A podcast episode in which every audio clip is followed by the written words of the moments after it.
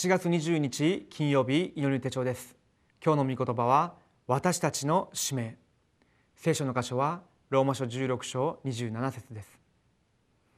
知恵に富む唯一の神にイエス・キリストによって見境が常しえまでありますように。アーメン。私たちが自分の人生の過去から答えを探し出して今日を最高のものとするために今日の伝道御言葉祈り伝道者の生き方を回復するんであれば必ず出てくるのが私に向けた使命です。神様が必ず私にさせようとしていらっしゃることがあります。それを握って帝国の祈り常時の祈りを回復することができるんであればその時から契約が私の歩みで成就していくそういう答えを受けるようになります。今日祈りの手帳を通しながら自分自身の過去今日未来が福音の中で整理されて答えを見出す時間になるようにお祈りしたいと思います。では今日の序文です。私の周りには苦しんでいる人が多くいます。そのような人々がどんどん増えていっています。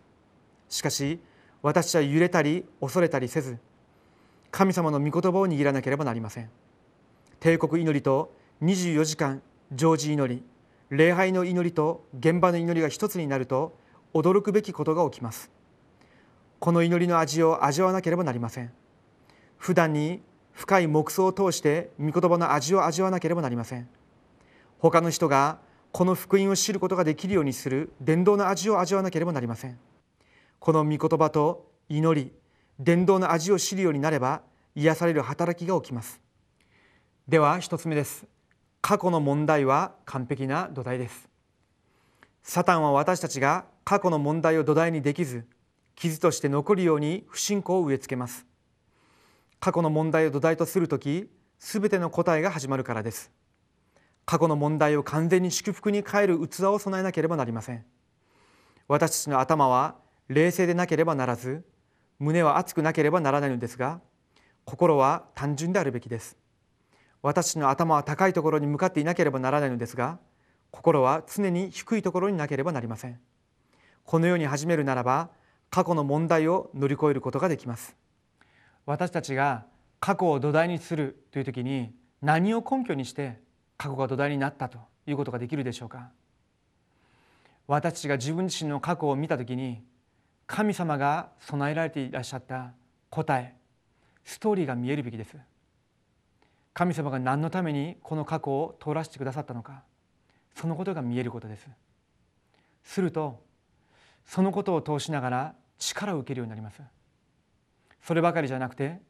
それを握りながら祈る中で伝道の門が開かれるようになります。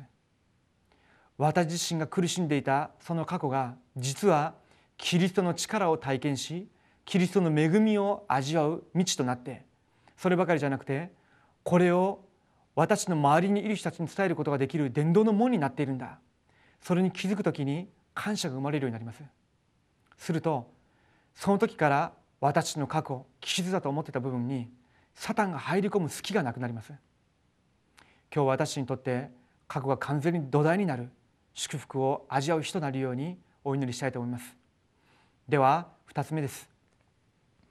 世の中を変える準備をしなければなりません。すでに世界福音化の時代の幕が開かれました。教会ごとに数多くの弟子と次世代が立ち上がりこの祝福を受けなければなりません。彼らを通して至る所に現場を生かす地教会が建てられ現場ごとに隠された弟子たちが立ち上がらなければなりません。地教会を通して生きたメッセージが現場に深く伝えられなければなりません。この御言葉運動をする時至る所に光が照らされ始め自分と現場に誠の癒しが起こされます。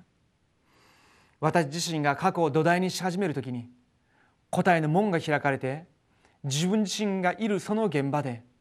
御言葉運動の門が開かれるようになります。御言葉運動をしていると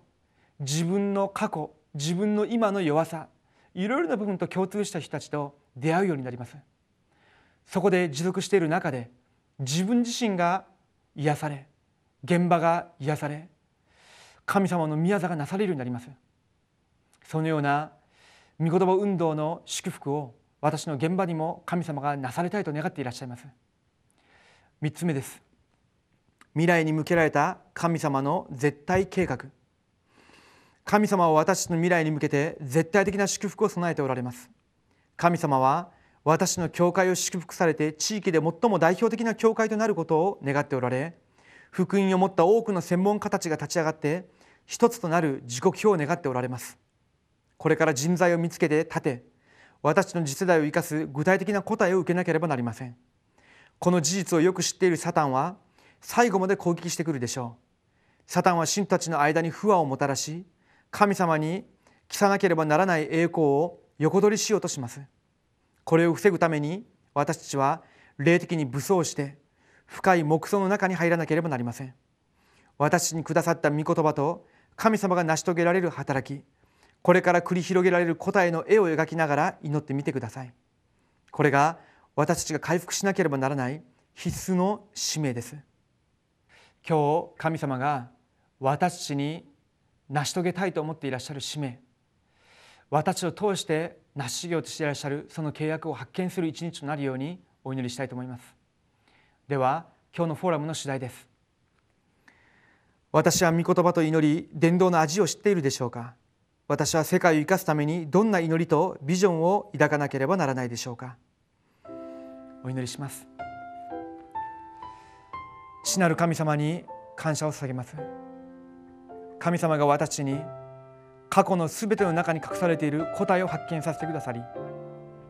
それを土台として今日を最高のものにするようにと新しい力を与えてくださることを感謝します。今日私自身がそのことを契約として握り祈る中で神様が私を通して成し遂げようとしていらっしゃるその契約を発見することができる時間になるように導いてください。私に向けられた使命が何であるのかそのことを発見することができる時間としてくださり祈りの中でそれを発見するその時間神様が答えの門を開かれることを信じて感謝を下げます。今日私の歩みを導いてください。生きとられるイエス・キリストの皆によってお祈りします。アーメン。